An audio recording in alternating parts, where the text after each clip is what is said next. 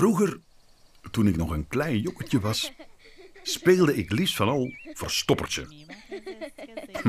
Nog altijd eigenlijk. Als mijn kleinkinderen komen, dan vragen ze vaak: Opa Aard, gaan we katje duik spelen? katje duik, ken je dat? Dat is dialect voor verstoppertje.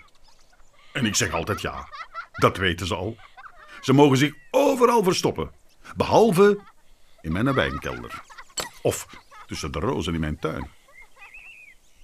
Als ik dit kunstwerk zie, dan krijg ik spontaan zin om verstoppertje te spelen. Of kiekeboe. Of tikkertje. Cool, hè? Deze kolonnade. Kolonnade. Dat is de naam van dit kunstwerk.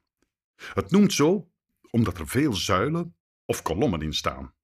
In dit kunstwerk mag je wandelen. Maar voor we dat gaan doen, moet je nog even goed kijken. Niet alleen naar het kunstwerk zelf, maar ook naar de bomen die erachter staan. Met een beetje verbeelding zijn al die zuilen in het kunstwerk een beetje zoals boomstammen. En als je door een bos loopt, dan is er ook geen enkele boom die perfect recht is. Daarom staan al die zuilen hier kriskras door elkaar. De kunstenaar heeft een soort van bos gemaakt, maar dan met metalen en stalen zuilen in plaats van met bomen. Zoveel bomen of zuilen dicht op elkaar, dat is niet makkelijk om doorheen te geraken. En ook wel donker, zeker als je in het midden staat.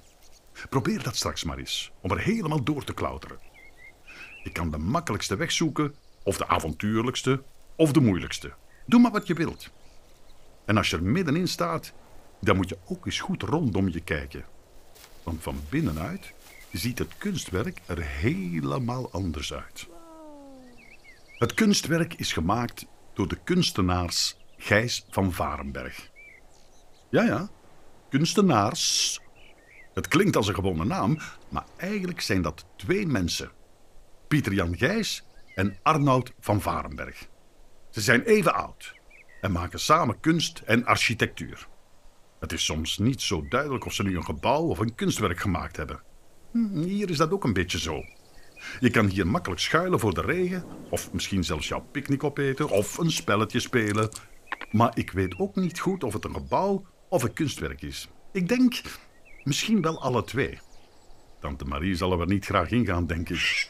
Bomen en bossen, daar vliegt ze zonder probleem door. Maar dit is echt wel een doolhof. Ze speelt wel verstoppertje, maar dan liever in een echt bos. Oh ja, bijna vergeten. Verstoppertje spelen. Kom aan, ik tel tot tien. Wie niet weg is, is gezien.